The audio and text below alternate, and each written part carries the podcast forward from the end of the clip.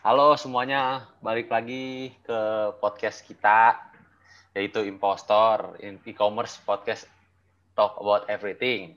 Ini mantap. Kenalin dulu nama gue Jason, gue bakal interview temen gue, Juan, Halo, yang kebetulan tuh kita punya passion yang sama lah ya, bisa dibilang ya. Iya. Bisa dibilang ya. Yaitu sepak bola. Coba kenalin dulu diri lu, Ju. Oke, halo teman-teman. Gue temannya Jason ya. Eh, gua gua punya hobi sama kayak Jason lah, punya suka sepak bola.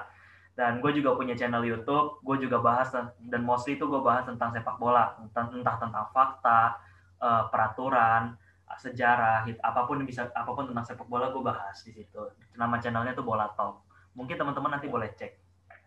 Wah, jangan lupa di subscribe teman-teman yang Iya. dengerin buat support juga kan. Dapat Iya, tuh nambah nambah wawasan juga tentang sepak bola. Iya, mau tahu ya kan. Iya mantap. Jadi lu suka nonton bola dari kapan Ju nih? Eh, gua pertama kali tuh gua nonton bola tuh 2009 2010 tuh 2010 Piala AFF Piala AFF Piala AFF Indonesia, lawan- Indonesia, lawan Malaysia ya? Malaysia iya yang le- 5-1 atau 5-0 gitu tuh gue lupa zaman zamannya Yang- Irfan Bahdim Christian. Gonzalez iya yang finalnya dua leg gitu Oh, ya. nah gue nontonnya tuh waktu itu masih babak yang babak penyisian tuh yang menang 5 5-0 atau 5-1 gue lupa skornya Itu itu yang Indonesia menang ya berarti? iya yang Indonesia menang yang Ya kan? Irfan Ya. yang Irfan Indonesia yang Irfan Bahdim langsung Iya, iya, naik tuh gara-gara golnya itu di grup Indonesia galak banget tuh sih ingat gue Iya. emang. lima lima satu lima kali satu lawan Malaysia enam kosong lawan Laos itu itu yang bikin gue benar-benar Hmm. kayak uh ini gue gue demen nih gitu nih teman bola jadinya gitu Hmm. Terus tuh kalau nonton bola nih, nonton sepak bola Indonesia doang atau ada sepak bola luar juga gitu? oh gue gue nonton sepak bola Inggris jadinya Eh gue habis itu kan Inggris. ya kan dua zaman 2010 tuh 2010 2011 gue nontonnya kan masih nonton timnas gitu ya nggak kenal gitu loh Ya. klub ini klub ini klub ini Di- eh, yang gua yang gua pernah denger tuh cuma nama MU Barca gitu gitu doang nama klub Nama-nama gede lah ya. ya nama-nama gede. Wah, gua tuh belum gak tahu Liverpool tuh apa tuh dulu tuh. Jadi lu fans Liverpool nih? Eh ya, gue fans Liverpool. Hmm, sama berarti kita nih harusnya nih. Nah, zaman-zaman kegelapan tuh gue baru dukung tuh zaman-zaman kegelapan Liverpool.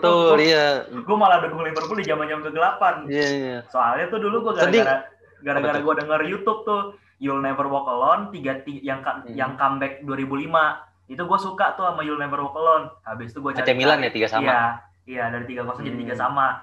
Di situ tuh gue jadi du- dukung Liverpool gitu. Hmm, gitu. Berarti se- sekarang ngerasain sedihnya juga dong Ju ya. Dulu support dari dulu tapi sekarang Liverpool lagi naik dibilang karbitan gitu agak ngerasa sedih juga Eh, ya. ngerasa sedih sih cuman ya nah, ya mungkin teman-teman lama gue pada tahu lah kalau gue dukung Liverpool tuh Hmm. udah dari zaman kegelapan iya kayak gitu cuman tetap ya dalam di konten sepak bola gue gue berusaha tetap netral gitu loh Hmm, bagus emang harus begitu sih kalau menurut gua. iya Nggak boleh ini. Gini Ju, gua mau nanya nih. Mulai masuk ke topik aja kita ya. oke nggak masalah Gini, pertanyaan pertanyaan nih gua mau nanya nih. Pandangan lu tentang sepak bola profesional tuh gimana sih? sepak bola profesional ya kalau di zaman sekarang sepak bola Hmm. profesional tuh eh udah mulai gimana ya udah mulai berubah gitu loh bisa Berubah gimana tuh?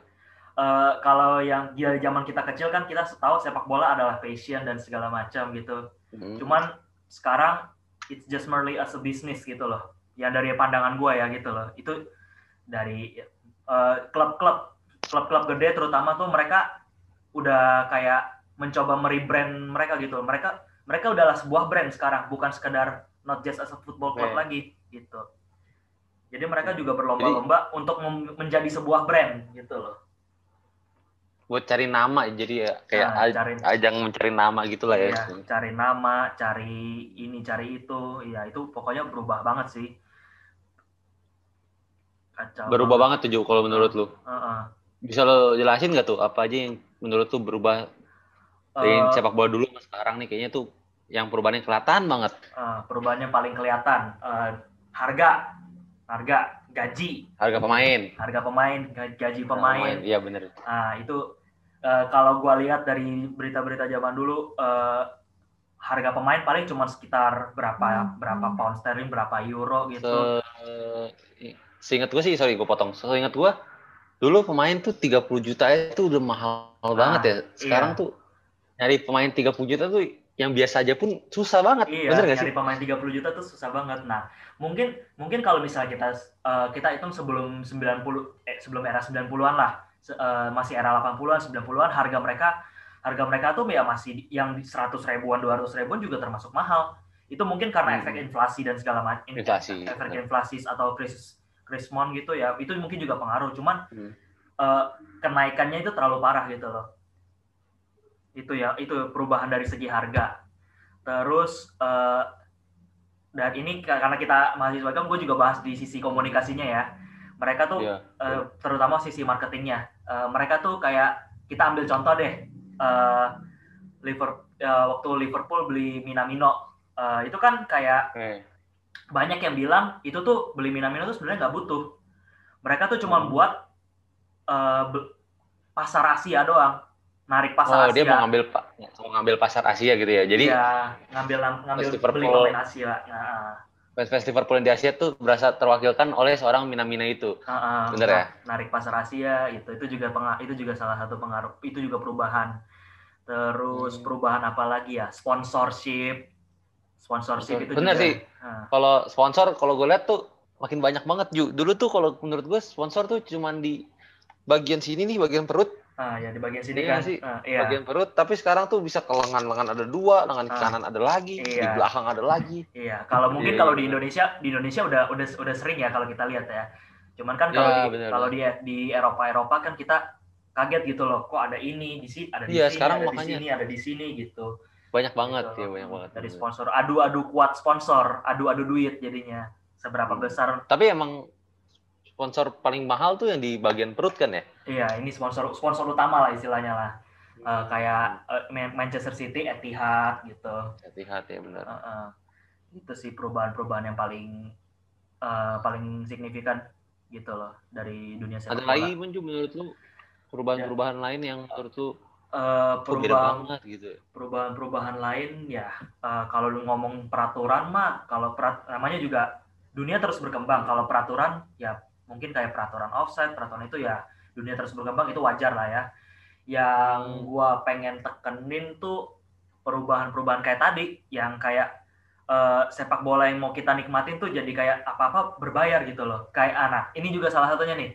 Kayak kita mau nonton mau nonton Liga Inggris di Indonesia kita mesti bayar. Eh, ada platform ada platform yang menyediakan tapi kita harus bayar berlangganan. Padahal zaman-zaman Oke. dulu kan kita nikmatin secara gratis gitu loh di zaman terutama zaman zaman bokap gua zaman kakek gua gitu Hmm. Tapi kalau menurut gue Ju, kalau dari yang gue selidikin nih Ju, Mhm. maksudnya bukan gue si research research gitu tuh, sebenarnya tuh di Indonesia tuh tontonan-tontonan bola gratis gitu tuh sangat memanjakan orang-orang Indonesia zaman dulu. Maksud gue dulu tuh di, dimulai dari Inggris tuh di Inggrisnya aja nih Ju, di Mhm. Inggrisnya itu dari zaman dulu tuh bener-bener berbayar. Bahkan gini nih, anggapannya di Indonesia, di Indonesia kan kita mau nonton Liga Inggris nih kita cuma bayar satu platform nih, Nah, Mola. Ya kan namanya Mola di sini kan iya kita bayar mola, at least misalnya kita bayar tujuh ribu, kita bisa nonton selama sebulan, Mhm. tontonan apa pun Liga Inggris. iya Tapi Ju, kalau di apa kalau di Inggris dari dulu ya, di negaranya sendiri nih, di tempat Hmm. sepak bola itu diadain, itu misalnya lu bayar nih Ju, lu bayar Sky Sport, kan ada Sky Sport di oh sana iya kan. iya itu gua tahu ada ada Sky Sports Lu bayar Sky Sport dan belum tentu tuh setiap pertandingan tuh di Sky Sport Ju. Heeh.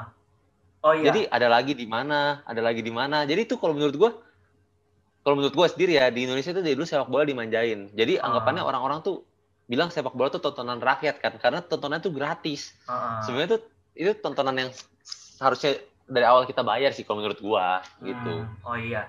Eh, dan dan ini juga salah satu fact yang pengen gue bahas ini. Di Inggris itu Hmm. eh, mereka tuh kayak seolah-olah biasanya tuh kalau ada pertandingan di jam 12 siang atau di di, di waktu mereka ya, di waktu Hmm. waktu mereka eh, jam 12 siang, jam berapa, jam sore gitu. Itu nggak ditayangin di di itu di TV kadang-kadang. Karena mereka lebih mementingkan orang-orang untuk datang ke stadion. Gitu. Oke. Jadi uh, Gitu. jadi mereka baru tayangin tuh yang biasanya udah lewat dari jam udah mulai malam gitu mungkin Sore ke malam lah ya. ya, sore ke malam baru ditayangin. Nah, tapi ya uh, itu be- be- beberapa peraturan yang tidak tertulis mungkin Hmm. gitu gue juga lupa lupa ingat Hmm. kayak gitu Terus gue mau bahas ini juga deh Ju. Heeh. Masih tentang perubahan sih. Ah. Maksud gue sekarang tuh yang lagi ngetren banget tuh perubahan itu yang paling kelihatan tuh VAR kalau menurut gue. Ah, VAR iya. itu kalau yang belum tahu tuh VAR itu adalah video assistant referee kepanjangannya. Jadi Ah. itu anggapannya kita punya wasit kesekian, tapi wasitnya tuh bentuknya adalah kamera. Jadi nggak mungkin ada kesalahan gak sih sebenarnya? iya Pendapat tuh gimana tuh Ju tentang VAR ini? eh VAR ya. Gue gua berusaha untuk ini ya. Cuman VAR ini cukup membantu, sangat membantu. Mm. Cuman baik masih terlalu banyak kesalahan yang dibuat kayak mereka entah sengaja. Kita ambil contoh pertama kali VAR diperkenalkan tahun 2018 waktu Piala Dunia. Piala Dunia ya. Nah, waktu itu kalau nggak salah waktu Argentina lawan Nigeria itu kan harusnya dicek VAR, tapi nggak dicek dan pada akhirnya uh, Argentina menang. Itu juga itu saat itu pertama kali gue ngeliat VAR ini ada yang ini ini kalau kayak gini gimana nih nanti di tahun-tahun selanjutnya. Dan benar kejadian kan, uh, benar kejadian kan 2019 2020 dua tahun terakhir ini Banyak. tuh banyak kontroversi. Kita ambil contoh, kita ambil contoh yang kemarin deh Liverpool. Liverpool Everton. Nah, Liverpool. itu itu yang paling parah tuh. Itu Iya, yang iya, paling iya. parah yang menurut gua menurut gua yang paling parah tuh di situ. Biar. Konyol sih sebenarnya ya. Nah, iya itu konyol banget. Nah, itu entah mungkin permainan bisnis lah atau permainan belakang Hmm. lah gitu. Kan kan kita juga kan dunia sepak bola kan ada judinya juga pastilah. Ya mungkin Pasti. bandar gitu. Kalau Mafia. kita kita nggak ada yang tahu mafia mungkin Ya. kita nggak ada yang tahu. Nah, ya pokoknya VAR masih perlu banyak pengembangan perkembangan sih yang itu sih. Eh, Tapi kacau. sorry, menurut lu yang mana nih yang better? Se- sepak bola sebelum VAR atau se setelah VAR ini ada? Menurut lu yang lebih sepak bola yang lebih seru atau lebih gimana gitu menurut lu? karena gue penonton lama, ya jadi ya pastinya gue lebih suka drama drama Drama ya. drama sebelum ada VAR gitu loh. Nah, drama after VAR tuh bener-bener kayak wah kayak bullshit banget gitu loh. Hmm. Drama setelah Makanya VAR. kalau menurut gua, kalau menurut gua tuh karena ada VAR ini tuh pemain-pemain jadi manja apa-apa ngecek VAR, apa-apa ngecek VAR. Jadi Iya.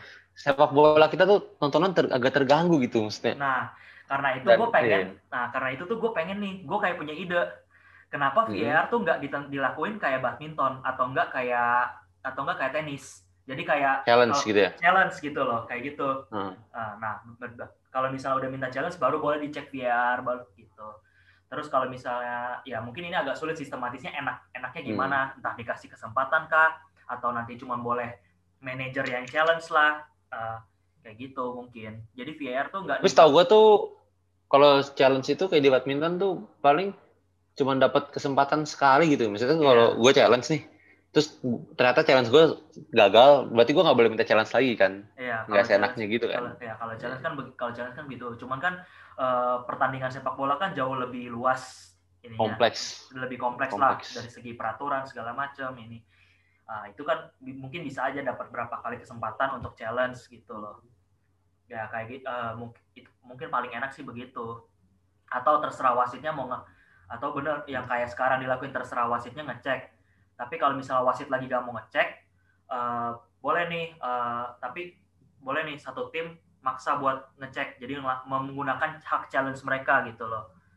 Jadi gitu kalau menurut gua. Kalau menurut gue sih yang kurang gue suka nih dari pendapat gue ya, pendapat gue di VAR sekarang tuh gini deh, contoh dulu di VAR di sepak bola 2000 di Piala Dunia 2018. Heeh. Piala Dunia 2018 kan kalau misalnya nih satu tim mau minta cek VAR, Hmm. itu kalau lu inget Ju, itu tuh wasitnya benar-benar wasitnya benar-benar ngecek di TV karena ada TV di pinggir lapangan Iya. kalau lu inget. Hmm, Iya. Tapi kalau di sekarang nih VAR tuh di dalam. Jadi Iya, wasit iya. tuh nggak punya hak sama sekali ngecek. Jadi Ah. wasit cuma tahu info, oh ini offside, oh ini enggak, oh ini Ah, foul, oh tapi- ini enggak gitu. Tapi tapi uh, pas awal musim musim 2000 ini 2020 2021 ada beberapa Hmm. wasit yang kayak uh, mesti kayak mesti ngecek dulu, ngecek dulu, oh, uh, mesti ngecek TV kan di, tetap di walaupun ada di screen gede, tetap disediain TV di Uh-uh. samping lapangan biar mereka bisa ngecek. ya ya. Nah, cuman yang gue bingung waktu pertandingan Liverpool Everton kemarin contohnya itu kenapa VA, uh, pelat uh, wasitnya si Michael Oliver ya kalau nggak salah ya wasitnya ya Iya, itu nggak mau ngecek di, di TV-nya cuma nunggu dari sini Hmm. doang gitu loh Cuma nunggu info. Ah, cuma nunggu info nah kan otomatis kan nah nggak ada Hmm. tahu membingungkan kan kalau menurut gue tuh lebih seru yang nggak ada VAR nggak sih? Kayak lu Iya. ingat gak sih Ju sepak bola Piala Dunia 2010 nah, yang 2010. Suarez eh, tepok bola tepok bola pakai gitu. tangan itu kan terus itu kok keren banget sih kalau menurut gue mah. Maksudnya bukan keren apa ya? Maksudnya tuh ada cerita tersendiri gitu loh, ada kenang-kenangan yang nonton. Iya. Waktu itu gue nonton live. Itu gue nonton live. 2010 Itu seru banget sih. berarti- oh iya gua gua waktu itu kayaknya nggak Uruguay lawan- masih belum terlalu belum terlalu Lawan- itu sama Lawan Kamerun atau apa gitu. Pokoknya gara-gara Suarez tepok bola pakai tangan itu, ah, jadi nggak ben, jadi nggak lolos itu tim Kamerun itu. Iya Uruguay jadi lolos tuh. Menurut gue keren banget sih. eh, tapi kan itu ya kan itu ada cita-cita itu yang gue tapi kan seru. itu kan kartu Iya. tetap kartu merah dari wasit karena itu kan Tetap memang kartu clear merah. Eh, memang clear Clear, kalau itu clear foul itu clear foul. itu clear fall mau dicek VAR atau enggak pun itu tetap clear fall gitu loh Hmm, ya sangat disayangkan banget sih sangat sayang. Tapi seru gitu ceritanya nah, maksud. ada cerita lah gitu loh antar oh ini Iya, drama banget maksudnya nih ada- ini nih Drama banget Nah, kayak diving lah atau ya contoh diving Iya, juga iya. itu juga drama banget diving. Misalnya Diving kayak drama banget ya. Ne- Neymar gitu Itu Emang kan raja diving. lumba-lumba katanya orang kata orang-orang Iya benar. gila itu uh, Eh, terus gua tadi sering dengar kata lu kalau sepak bola tuh jadi bisnis nih sekarang nih Ju. mm-mm. Bisnis kayak gimana sih?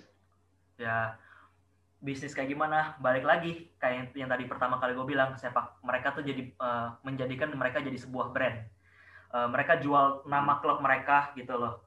Se- eh, bi- kayak jadi di merchandise lah ada merchandise eh, baju-baju gitu. Mung- ya mungkin itu kan fan service cuman kan eh, it's all about bisnis sekarang kan. Jual baju bahkan pemain pun jadi jadi alat bisnis mereka. Kita ambil contoh MU Eh, Hmm. kita ambil contoh MU waktu zamannya Ibra baru masuk kan itu kan Ibra ya. ah, waktu Ibra baru masuk kan banyak 2018 lah ya. 2017 2018 itu kan mereka Eh banyak- 2017.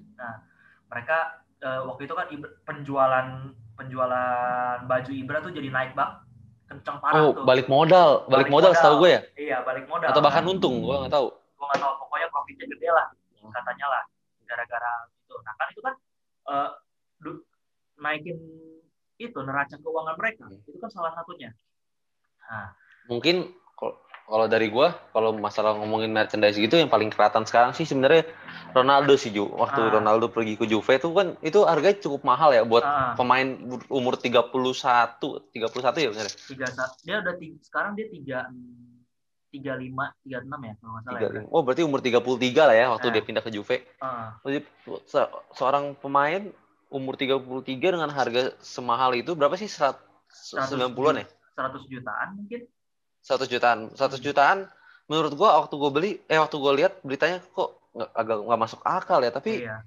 waktu gue lihat ternyata ini bisnisnya pinter banget buat Juve karena Ah, semua orang tuh tahu Ronaldo tuh bintang terus gara-gara Ronaldo datang ke timnya semua orang beli bajunya beli figurnya beli apanya. Ah. dan Ya. setahu gue Juve untung dari pembelian Ronaldo itu.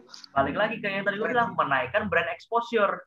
Juve Bener-bener. eh, nama brand Juve tuh gede banget dari yang Gede. followersnya sekian juta jadi naik berpuluhan juta kan sejak Ronaldo dari masuk, yang itu udah banyak IG. makin banyak lagi Nah, gitu iya. kan Iya, iya, iya. brand nah, brand exposure ya balik lagi ke masalah marketing lagi kan jadinya kan Hmm. terus ini juga salah satu contoh waktu Messi mau pindah pindah dari Barca beberapa bulan lalu Mm-mm, yang Itu isu kan kenceng banget ya isunya kenceng banget Messi kan mau ditahan itu kan ditahan-tahan ditahan-tahannya Hmm. kenapa? Eh, banyak banyak rumor tuh yang bilang kalau kenapa Messi ditahan? Kalau Messi pergi keuangan mereka hancur. Eh, mereka nggak bisa kan nilai penjualan penjualan jersey mereka tuh paling gede itu dari Messi. Nah Hmm. kenapa ditahan? Menghilang. Itu kan artinya kan icon mereka kan hilang brand terus akhirnya brand mereka kan jadi kayak menurun gitu. Pasti turun ya. Bayangin Barca kan juga waktu itu lagi, bul- eh, berapa tahun ini lagi hancur-hancuran. Kalau Messi hancur-hancuran, makin bener. brand mereka makin hancur gitu loh. Bukan bisa waktu Messi pergi misalnya Messi pergi tuh bisa bisa bukan Barca yang tim yang raksasa gitu kalau menurut Ah. gue ya. Bisa jadi tim biasa aja gitu orang lihat menurut gue Ah, betul banget itu makanya Jadi, wah, Dari yang gue tangkep sih berarti menurut kita nih foot, football eh maksudnya sepak bola tuh bukan sekedar sepak bola aja ya. Jadi Iya. ada banyak hal poin-poin lain yang, di zaman sekarang yang ya ternyata penting. Ah, di zaman Iya, sekarang benar. it's all about business gitu loh Kesel lah bisnis ya benar. parah sih itu Eh, banyak kayak apalagi ya yang contohnya eh, it's all about business sponsorship nah adu adu sponsorship. udah tadi Hmm. ah ini juga nih duit Eh, mereka tuh adu kenceng duit ambil contoh klub Contohnya? kaya lah klub kaya Iya. raya Real Madrid eh, Manchester City. Manchester City, PSG. PSG. Nah, ini ngerusak harga, ngerusak harga nih mereka nih, ngerusak Benar, pasar. benar, benar, benar, benar. Ini ngerusak pasar ini. Ini tim-tim merusak pasar betul. Adu kenceng, adu kenceng itu duit mereka, adu kenceng seberapa Iya. hebat mereka bisa bayar di pemain gitu loh. Mm-mm. Jadi otomatis banyak pemain-pemain yang harganya tuh nggak sesuai. Gila. Iya, Iya. kualitas mereka nggak sesuai harga gitu loh jadinya. Mm-mm. Itulah. Ini sebagai contoh aja Ju ya, yang sangat yang menurut gue related tuh empat lima tahun lalu tuh kita lihat Gareth Bale pindah ke Madrid dengan harga 100 juta, Wah, kaget gue. Gue jujur jadi pemain, gue jadi penonton gue kaget. Itu harga yang gak masuk akal menurut gue. ah, 100 juta loh. 100 Tapi- juta loh. Tahun ini nih sekarang, kalau lu tahu pemain Liga Spa- Liga Prancis ya, Osi Osimhen itu tau gak sih lu Ju? Osing. Yang pindah oh, ke Napoli. Ah, ah, ah, tahu gue. Pindah ke Napoli itu pemain gue sejujurnya sebelum dia masuk Napoli gue nggak tahu itu nama. gue aja baru denger tuh berapa bulan berapa hari lalu atau berapa minggu Hmm. lalu gitu loh itu gue jujur gue nggak tahu Ju itu siapa tapi gue liat harganya berapa Ju 70 juta ah, buat iya main kayak gitu mahal Itu- banget dan sekarang tim ngeluarin duit 70 juta 80 juta hal yang biasa banget menurut gue iya ini dalam hal euro ya bukan rupiah Iya, loh bukan- teman-teman bukan loh. rupiah. Rupiah itu udah gede 80 Ah, juta. Gimana iya, 80 rupiah juta gede. euro gitu? Wah, gila itu. Ini Hmm, yang merusak harga pasar tuh eh, secara bertahap kalau secara bertahap kalau dari zaman Gareth Bale eh, dari Ronaldo 2010 Gareth Bale Ronaldo 2014, MU ke Madrid do- eh, Gareth Bale 2014 terus Neymar. Pogba Pogba 2016 oh pokoknya jaraknya jaraknya tuh masih masih ada jarak gitu loh. Sejak Hmm. Neymar hancur. hancur Parah. karena Neymar tuh setahu gue bisa di- ditebus sama PSG itu sekitar 200 juta lebih kan ya 222 atau gue salah 222 ya itu kan nggak masuk akal nggak sih Ju? Itu ya. anggapannya 220 juta tuh bisa bikin tim lagi Eh, iya. bisa bikin tim 222 bola lagi 222 juta buat Neymar. Langsung jadi pemain termahal. Habis itu Mhm. Barca panik beli Dembele 120 120 jutaan. 20 juta ya 120 jutaan. Jadi pemain termahal kedua. Gitu. Lu bayangin Gila dalam ya. dal- tuh 2017 tuh harga gila banget. Langsung tuh dua pemain. Dua Mm-mm. pemain. Neymar dalam hari yang berdekatan Dembele. gitu kan Ah, dua. kalau menurut gue yang berdekatan lagi tuh waktu waktu Liverpool beli kiper juga Ah, waktu Liverpool, Liverpool beli kiper Ellison Alisson. Harganya tuh kan mahal ya 70 juta atau berapa 60, gitu 70 Enam- juta. 65 ya? Ah, 65 juta kalau nggak salah 65 juta langsung jadi kiper termahal di dunia. Mm. sehari dua hari selanjutnya Chelsea beli kiper lagi dengan harga yang lebih atas lagi. Jadi 80 juta. rekor tuh rekor terpecahkan nggak nyampe seminggu juga itu. Iya, a- rekor- aneh. Rekornya wah gila sih. Nah, itu itu iya iya itu Chelsea sih panik buying sih itu kalau gue bilang. panic buying Panic telat buying. banget makanya sekarang kualitasnya agak Ah, banyak makanya. Ah, satu lagi nih, ini pengen gue bahas juga. Joao Felix. Mereka dia baru bersinar. Bener-bener baru Atletico bersinar. Madrid ya Ah, EDSL Benfica. Baru bersinar umur 17 tahun. Dibelinya langsung dibeli Atletico Madrid 100 berapa juta gitu. Men, anak 17 tahun lu harganya 120 juta nggak masuk akal. Nah, itu, Joao Felix juga gila itu. Pada akhirnya kan eh, tidak sesuai ekspektasi kan dia kan. biasa aja apalagi menurut gua oke lah Joao, Joao Felix nih berbakat Hmm. tapi kalau menurut gua kalau masuk ke tim-tim yang filosofi nyerang tuh masih bagus Ah. oh not lagi yang belum yang nggak tahu Atletico tuh tim yang sangat bertahan kalau menurut Ya, gua Dia pemain bertahan. Kalau mungkin buat teman-teman yang nggak belum tahu, Atletico ini tim yang cukup bertahan ngandelin counter attack gitu singkatnya. Sangat-sangat bertahan kalau menurut gua malah Eh ya. Nah, makanya uh, orang yang tipikal penyerang nggak cocok lah untuk masuk ke nggak cocok berkembang di sana uh-uh. makanya kan mereka kan cocoknya tuh sama pemain-pemain yang nunggu bola gitu dari penyerangnya yang nunggu Hmm. bola kan Diego Costa Luis Hmm. Suarez gitu-gitu nah itu juga salah satunya dan terlihat juga Ju gara-gara Atletico main defense Mhm. kelihatan mencetak banyak kiper-kiper bagus tuh Ju. Ah iya. Iya kan? nah kita ambil contoh sekarang Jan Oblak. Itu the best banget Oblak jago banget itu kiper itu gila sih itu kiper. Dulu ya waktu Terus- ini ini eh, dulu waktu Alisson dibeli dari Liverpool Hmm. itu gue langsung gue agak gue agak pesimis. Gue bilang kemahalan. Ragu. Kalau mau harga Ragu. segitu mendingan oblak. Oblak. Gue ngomong Sama gitu pikiran sama gua. gue ngomong gitu sama teman-teman gue gitu loh. Hmm. cuman ya sekarang wow dia mau Terbukti. menunjukkan menunjukkan kualitasnya menunjukkan itu. Ada harga ada kualitas. Ada lagi kualitas, ya. salah sa- nah inilah yang ini pengen gue cerita pengen gue bahas lagi ya.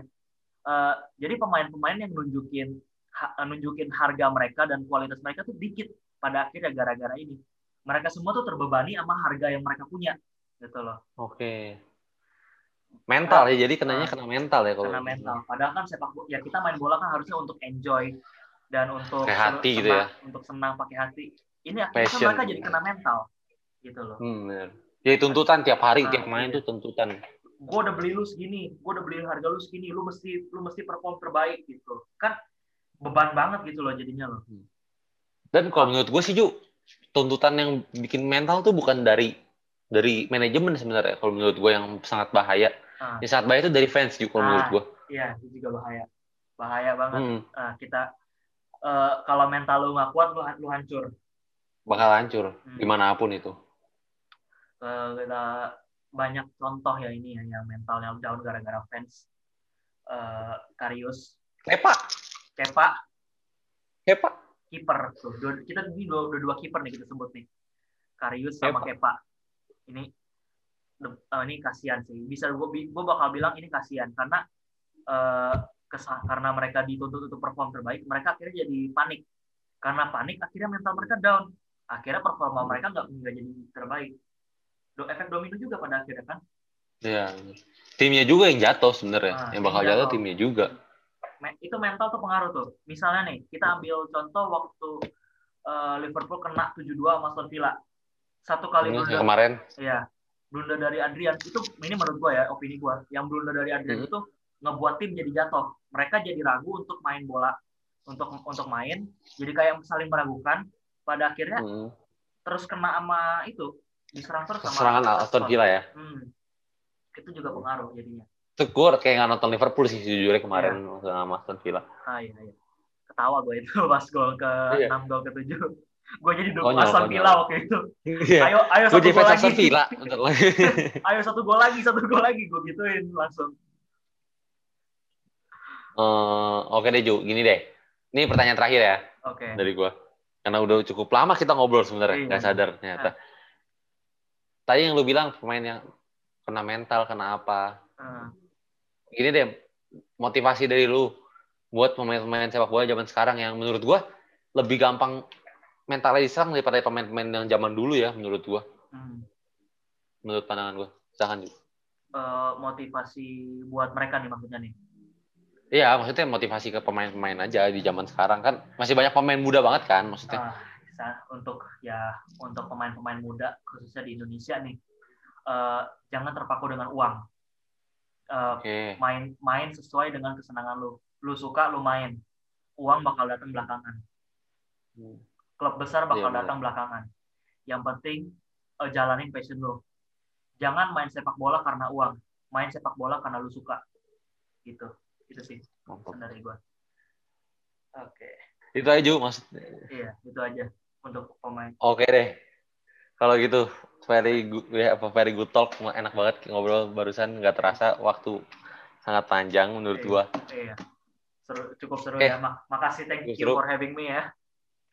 Thank you, thank you Ju, thank you Iya. mau diundang nih. Iya. Eh, semoga ada waktu kita bisa ngobrol-ngobrol lagi yang lebih seru, yang lebih panjang. Oke. Sip. Oke. Oke. Oke semuanya, thank you banget nih udah dengerin podcast kita dari awal sampai habis.